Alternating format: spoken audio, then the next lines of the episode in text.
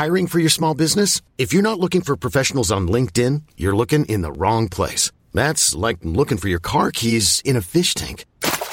LinkedIn helps you hire professionals you can't find anywhere else, even those who aren't actively searching for a new job but might be open to the perfect role. In a given month, over 70% of LinkedIn users don't even visit other leading job sites. So start looking in the right place. With LinkedIn, you can hire professionals like a professional. Post your free job on linkedin.com slash achieve today.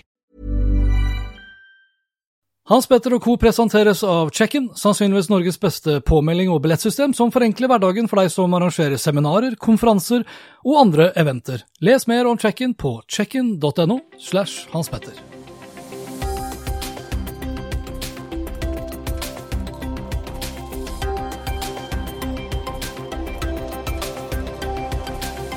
I denne episoden her så skal det annet handle om Skipsted, som advarer sine ansatte mot å bruke TikTok. USA gir eierne av TikTok, altså ByteDance, forlenget frist til å selge til enten Microsoft eller Oracle. Halvparten av de mest populære VPN-tjenestene har kinesiske eiere eller tilknytninger. Elkjøp går så det griner, samtidig som alle ser ut til å forberede seg til Amazons endelige inntog i Norge. Velkommen til Hans Petter og co. Jeg heter Hans Petter, og denne episoden ble spilt inn onsdag 26.8. Lenker til alt jeg har snakket om, og øvrige innslag finner du som alltid på hanspetter.info. Jeg tenkte jeg skulle begynne den episoden her med meg selv, for nå er det temmelig nøyaktig ti år siden jeg startet opp å skrive på hanspetter.info. 24. august 2010 så publiserte jeg min aller første bloggpost, artikkelen Bli like flink som Apple-sjefen til å holde foredrag. På den tiden så jobbet jeg som salgsleder, eller salgssjef, i eh, IT-selskapet Cisco, og visste jo lite den gang at jeg mindre enn fire år senere skulle nettopp leve av å holde foredrag og fortelle historier på scenen. Ti år er jo ikke mye i det store og hele, men samtidig så har det jo på disse knappe ti årene skjedd ekstremt mye. Endringer tar lengre tid enn vi tror, men kortere tid enn vi ser, bruker jeg å si, og det har et viktig poeng, for det er først når vi ser bakover vi faktisk klarer å ta inn over oss hvor store og fundamentale endringer vi faktisk har vært igjennom i løpet av det siste tiåret. Hanspetter.info har også endret seg mye i løpet av de tiårene som har gått, både utseendemessig, men, men, ikke minst innholdsmessig. Altså I begynnelsen så handlet det veldig mye om sosiale medier. Hvordan sosiale medier ville åpne og demokratisere ordskiftet, og f.eks. hvor viktig det var for dagens ledere å forstå og følge med på hvordan sosiale medier også ville påvirke og endre deres egne forretningsområder. Mobiltilpassede nettsider ble etter hvert også viktig å få på plass, ikke bare søkemotoroptimalisering. Content marketing, eller innholdsmarkedsføring, ble også etter hvert en ganske så het potet, etterfulgt av f.eks. native advertising og influencer marketing og det meste til ganske så stor irritasjon fra de tradisjonelle mediene, som ikke bare mislikte at Facebook og Google stjal annonseinntektene deres, men at deres tradisjonelle reklameformater også skulle bli utfordret av alt fra liksomjournalistikk, som man gjerne kalte innholdsmarkedsføring til å begynne med, og da såkalte influensere. Internett og sosiale medier og smarttelefoner førte også til at vi, altså publikum, kunder, lesere, lyttere, seere, kunne selv velge når vi ville konsumere det innholdet vi ville. De gamle, altså de eldre, foretrakk, og foretrekker til en viss grad, fortsatt det lineære, mens vi yngre, eller de yngre, vil ha i dag alt on demand og det rett og slett fordi teknologien har lagt til rette for det. Aviser ble ikke lenger lest fra start til slutt, gullrekka på lørdager ble ikke fulgt til punkt og prikke, reklame ble spolt over, blokkert eller kjøpt seg fri fra. For eksempel med Netflix. Overgangen fra når mediene vil til når kunden vil, ble heftig omtalt som teknologisk disrupsjon. Forretningsmodeller ble ikke bare utfordret, de ble utradert. Delingsøkonomi som begrep ble både populært og mislikt, og handlet da til syvende og sist om mindre friksjon, mer tid tilbake, mindre personlig eierskap og totalt sett en bedre kundeopplevelse. Det var iallfall planen og drømmen. Fasiten i dag er jo faktisk at de fleste kundeopplevelser fortsatt er svært dårlige.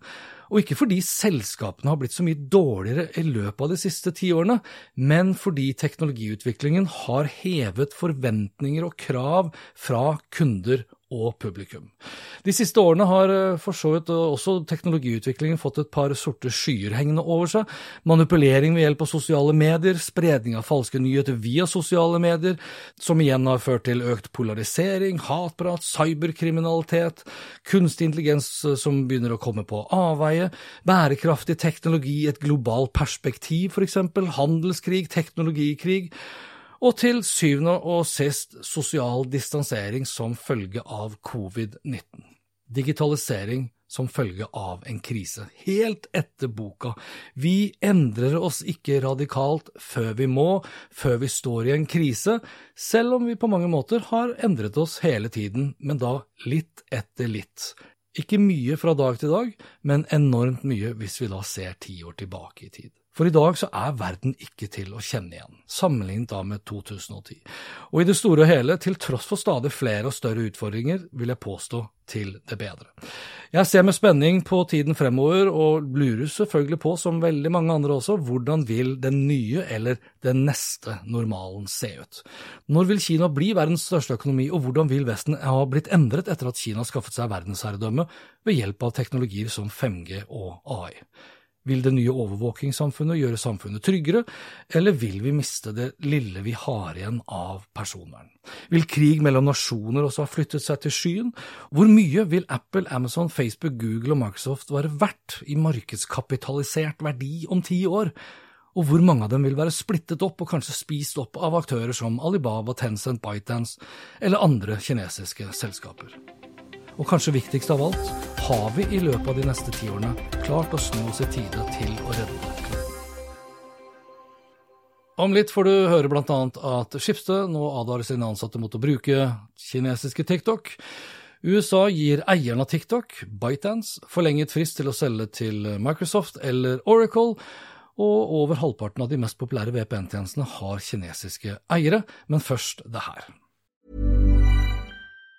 Planning for your next trip? Elevate your travel style with Quince. Quince has all the jet setting essentials you'll want for your next getaway, like European linen, premium luggage options, buttery soft Italian leather bags, and so much more. And it's all priced at 50 to 80% less than similar brands. Plus, Quince only works with factories that use safe and ethical manufacturing practices. Pack your bags with high-quality essentials you'll be wearing for vacations to come with Quince. Go to quince.com slash trip for free shipping and 365-day returns. My business used to be weighed down by the complexities of in-person payments. Then, Tap to Pay on iPhone and Stripe came along and changed everything. With Tap to Pay on iPhone and Stripe, I streamlined my payment process effortlessly. Now I can accept in-person, contactless payments right from my iPhone. No extra hardware required. What's truly remarkable is how I can cater to all of my customers' payment preferences. Whether they're using cards, Apple Pay, or other digital wallets, Tap to Pay on iPhone and Stripe ensure a smooth checkout experience every time. And it's not just me. Stripe helps businesses of all sizes, from local markets to global retailers, scale quickly and stay agile. To learn how Tap to Pay on iPhone and Stripe can help grow your revenue and reach, Visit stripe.com slash tapiphone. For kort tid siden bestemte SVT, altså svensk televisjon, å forby sine ansatte å ha TikTok installert på sine telefoner. Her hjemme så har NRK fortsatt ingen planer om å gjøre det samme, noe jeg også da kommenterte 19.8, da jeg gjestet TV 2 Nyhetskanalen. Men det at eh, Sveriges Televisjon forbyr sine ansatte å ha denne appen, eh, hva er det de vet som vi ikke vet? Altså det, du kan si Sverige har, har, vel vært kjent også i flere år nå for at de faktisk da våger å kritisere Kina. Eh, Norge, etter liksom utdelingen av fredsprisen osv., så, videre, så har vi kommet oss inn i varmen igjen med denne normaliseringsavtalen. Eh, hvilket da betyr at vi skal ikke provosere, vi skal ikke undergrave, vi skal ikke kritisere kinesiske interesser. Derfor ser vi heller ikke noe særlig kritikk av TikTok-appen eller andre kinesiske tjenester. Vi har jobbet i lang tid både i Norge og EU med å få på plass GDPR. Jeg er ganske sikker på at hvis TikTok hadde sittet på amerikanske hender, slik de gjorde med Musically, eh, og de hadde overtrådt da, sånn sett, de personvernregler og forordninger som da gjelder i GDPR, så hadde vi våget å kritisere dem. Det gjør vi ikke nå. 26.8 skriver Medie24 at Skipsted nå advarer sine ansatte, og da spesielt sine journalister, mot å bruke TikTok. Kommunikasjonsdirektør Camilla Kim Kiland i Skipsted understreker til Medie24 at det ikke er snakk om et forbud, men, og jeg siterer, i redaksjonelle miljøer der behovet for utstrakt grad av hensyn til kildevern og sensitive opplysninger, er det generelle rådet likevel å fraråde denne type applikasjoner. Så har vi jo også et generelt råd om å vise varsomhet med å ta med telefonen sin i fortrolige kildemøter, TikTok eller ikke. NRK har på sin side ikke endret på sin anbefaling om å ikke forby eller advare mot bruk av TikTok, noe som ikke er overraskende med tanke på at NRK er statseid, og som nevnt så skal ikke Norge kritisere, undergrave eller provosere kinesiske interesser. Jeg fortsetter litt til i TikTok-sporet, for nå har altså da Trump-administrasjonen valgt å forlenge fristen for en amerikanskeid løsning på TikTok-floken i USA. Opprinnelig så hadde kinesiske ByteDance, som da eier TikTok, frem til midten av september til å komme opp med en løsning på denne floken, altså stenge eller selge ut den amerikanske delen av TikTok, og da til aktører som Microsoft og Oracle, som begge har vist interesse for å kjøpe den amerikanske delen av selskapet. Den fristen har nå blitt forlenget til 12. november. Og Nå spørs det da om den fristen kommer til å spille noen rolle, for nå har da ByteDance på sin side valgt å gå til søksmål mot Trump-administrasjonen for deres bannlysing av transaksjoner med nettopp ByteDance og TikTok. I pressemeldingen fra ByteDance så heter det at de ikke tar lett på det å saksøke den amerikanske regjeringen, men at de føler de ikke har noe valg enn å ta grep for å beskytte deres egne rettigheter, rettighetene til deres TikTok-miljø, altså brukerne, og ikke minst sine egne ansatte. Og vi skal holde oss i Kina, eller til Kina, en liten stund til, for nå som svært mange av oss har blitt mer eller mindre vant med å jobbe hjemme, på hjemmekontor, så har kanskje også mange av oss blitt bedre kjent med hva VPN er for noe. Også 10. januar i år så posta jeg artikkelen Hva er VPN?, og den har etter hvert blitt ganske så mye besøkt. For vi bruker jo VPN for å kryptere internettrafikken mellom f.eks. av vår egen maskin, datamaskin, nettbrett, mobil og f.eks. til jobben.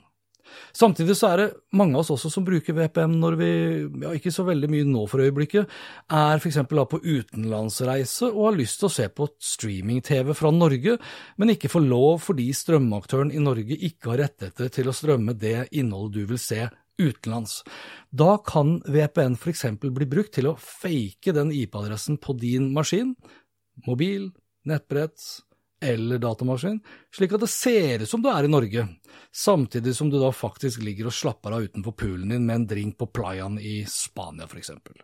Men, og det her er det viktigste, en VPN-forbindelse er kryptert fordi dataene som da går mellom maskinene ikke skal kunne leses av andre. Altså du har en slags privat egen linje over det åpne internett. Og da er det jo viktig da, å bruke VPN-tjenester som man kan stole på, som setter personvernet ditt først.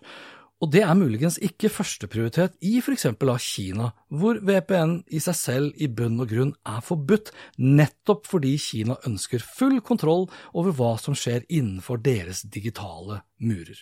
Nettstedet top10vpn.com publiserte en lengre sak om VPN-tjenester for eh, drøye to år siden, hvor seks av ti VPN-apper som du kan laste ned på din iPhone eller Android-telefon, har en eller annen forbindelse med Kina.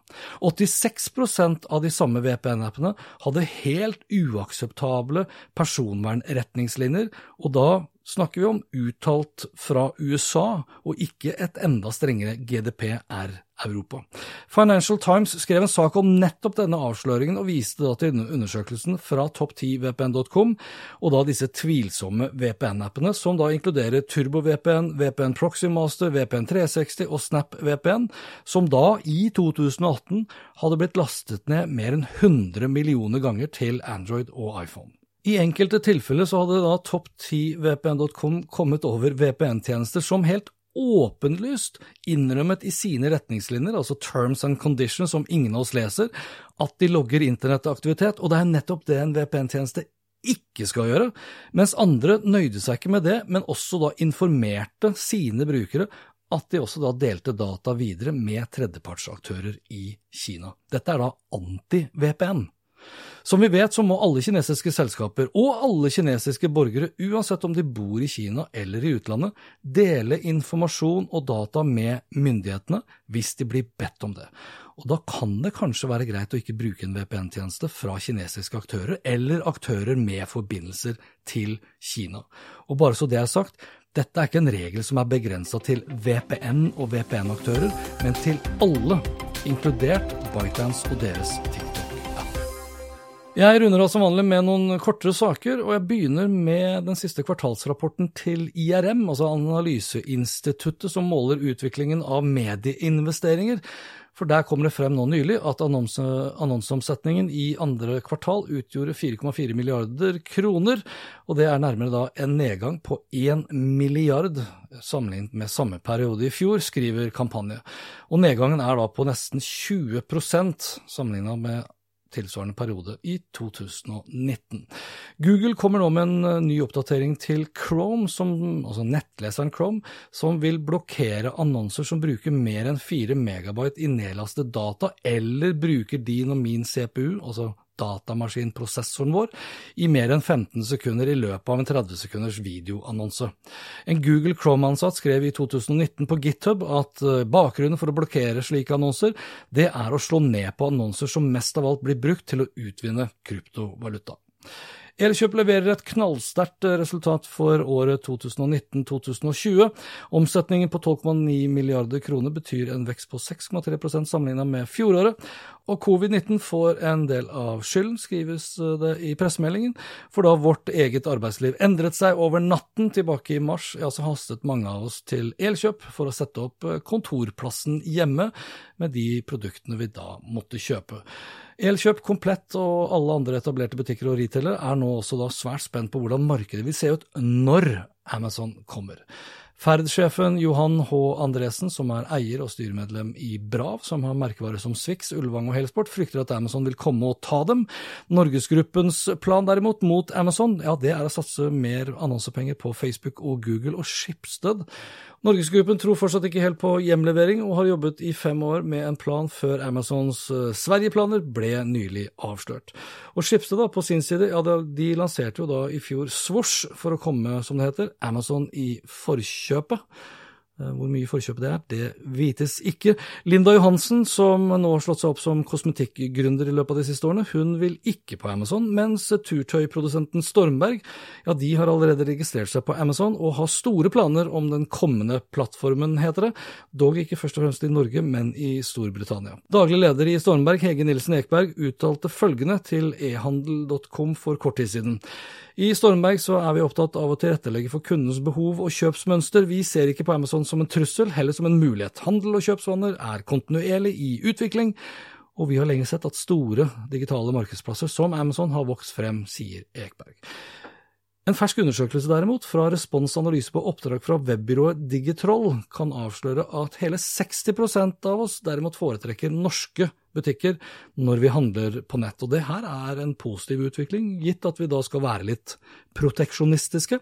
For i 2014 så var det kun to av ti nettbutikker som hadde norske eiere, og da for ordens skyld, Elkjøp er ikke norsk, selv om veldig mange tror det, men eid av britiske Dixon. Og mens Elkjøp som nevnt opplever kraftig vekst som følge av covid-19 og mer data i heimen, ja, så faller salget av smarttelefoner, og det av samme årsak. Globalt så falt omsetningen eh, med hele 20% i andre kvartal sammenlignet med samme periode i 2019, og ifølge Gartner så ble det solgt 295 millioner smarttelefoner i andre kvartal 2020, mot 370 millioner i 2019. Kinesiske Huawei kniver om å være verdens største aktør nå, med 54,1 millioner solgte enheter, mot Samsungs 54,7 altså 600 000 enheter da, i forskjell. Sistnevnte har opplevd nå et fall på nesten 30% i salget, mens eh, Huawei falt med under 7% Apple er nå verdens tredje største aktør, med 38 millioner solgte enheter i andre kvartal, og med en flat utvikling. Og dette var det for denne gang. Lenker til alt jeg snakket om og øvrige innslag ja, det finner du som alltid på hanspetter.info. Og likte du det du hørte, og vil forsikre deg om at du får med deg neste episode, da kan du bl.a. abonnere på Hans Petter og Co. på Apple Podkaster. Ellers er podkasten også tilgjengelig på Spotify, Acast, Google Podcast, Overcast og TuneIn Radio. Inntil neste gang, vær nysgjerrig, for det er den beste måten å møte vår digitale fremtid på. Hans Petter og co. presenteres av Check-in, sannsynligvis Norges beste påmelding- og billettsystem som forenkler hverdagen for deg som arrangerer seminarer, konferanser og andre eventer. Les mer om Check-in på checkin.no slash hanspetter. Hey, folks, I'm Mark Marin from the WTF Podcast, and this episode is brought to you by Kleenex Ultra Soft Tissues, your ally to help tackle your allergy symptoms this season. I love the change of seasons, but nobody loves pollen and all those other things floating in the air that make you sneeze during this nice weather. Kleenex Ultra Soft Tissues are hypoallergenic and allergist approved, so fight back against watery eyes and runny noses without worrying about irritating your skin. For this allergy season, grab Kleenex and face allergies head on. My business used to be weighed down by the complexities of in person payments. Then, Tap to Pay on iPhone and Stripe came along and changed everything. With Tap to Pay on iPhone and Stripe, I streamlined my payment process effortlessly. Now I can accept in person, contactless payments right from my iPhone. No extra hardware required. What's truly remarkable is how I can cater to all of my customers' payment preferences. Whether they're using cards, Apple Pay, or other digital wallets, Tap to Pay on iPhone and Stripe ensure a smooth checkout experience every time. And it's not just me. Stripe helps businesses of all sizes, from local markets to global retailers, scale quickly and stay agile. To learn how Tap to Pay on iPhone and Stripe can help grow your revenue and reach, visit stripe.com slash tap iPhone.